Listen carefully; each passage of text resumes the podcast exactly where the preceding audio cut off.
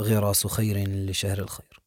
الثاني عشر من رمضان لعام 1444 يثبت الله الذين آمنوا بالقول الثابت في الحياة الدنيا وفي الآخرة.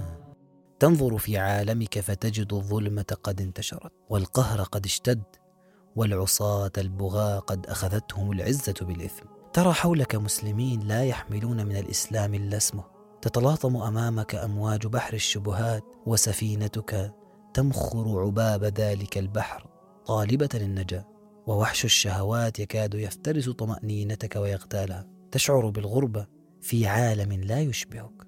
تخشى على دنياك وترجو السلامة في آخرتك. حينها تتأكد أن طوق نجاتك هو الاعتصام بحبل من الله. ليثبتك في الحياة الدنيا ويطلق لسانك في آخرتك بكلمة التوحيد ويعصمك من عذاب القبر وأحواله ويمن عليك الله بخاتمة حسنة. ولكن الخاتم الحسن منحة ربانية وهي غالية الثمن.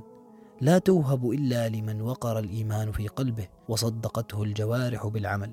فمن تعلم الإيمان والتزم بالثوابت وسأل الله العون سلم من الهوى. ووفق للتعامل مع المتغيرات بثبات فلن تضره فتنة في الحياة الدنيا وسيهدى بإذن الله الخاتمة الحسنة التي لا تقع إلا لمن كانت سريرته حسنة. فلحظة الموت لا يمكن تصنعها ولا يخرج فيها إلا ما وقر في القلب من مكنونات.